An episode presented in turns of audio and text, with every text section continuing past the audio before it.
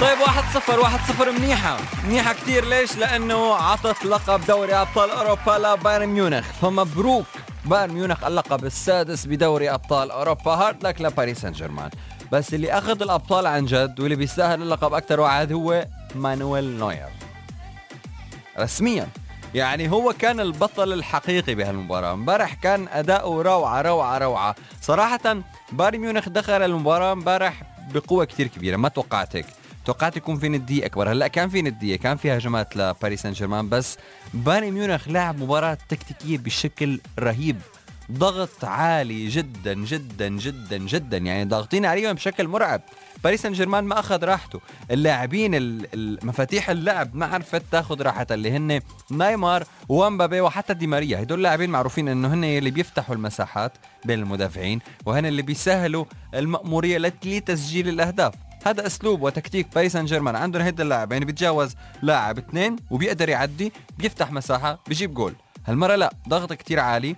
plus ما قدروا هيدول اللاعبين إنه يخلقوا المساحات ويتجاوزوا لاعبين. ثلاثة ممكن كانوا يتجاوزوا لاعب بس دائما في حواليه لاعبين ثلاثة. مبابي مع الكرة لاعبين ثلاثة من بايرن ميونخ جنبه. نايمار مع الكرة لاعبين ثلاثة معه. دائما كان في ضغط عالي على هدول اللاعبين. فبالتالي مدرب بايرن ميونخ عن جد عمل المباراة وادار المباراة مثل ما هو بده وأجبر باريس سان جيرمان يعتمدوا غالبا على الهجمات المرتدة. وكان بايرن ميونخ مرتاحين. ليش؟ لأنه عنا نوير. هيك كانوا عم بيقولوا بينه وبين حالهم. عنا نوير يعني ما بتفرق معنا.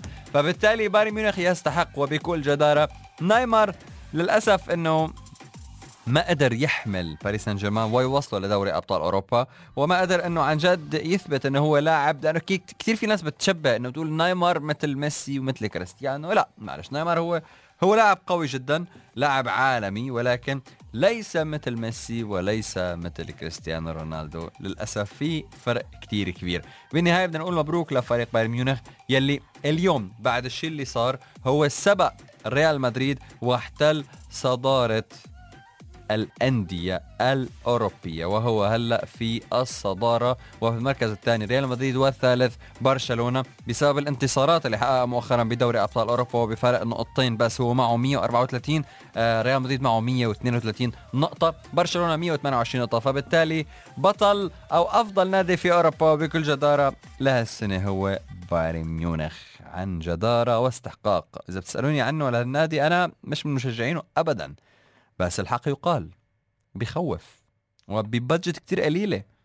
يعني التشكيلة كلها على بعضها مش مكلفة 80 مليون يورو. وتشكيلة باريس سان جيرمان يمكن بتوصل مليار. تخيلوا معي تخيلوا معي.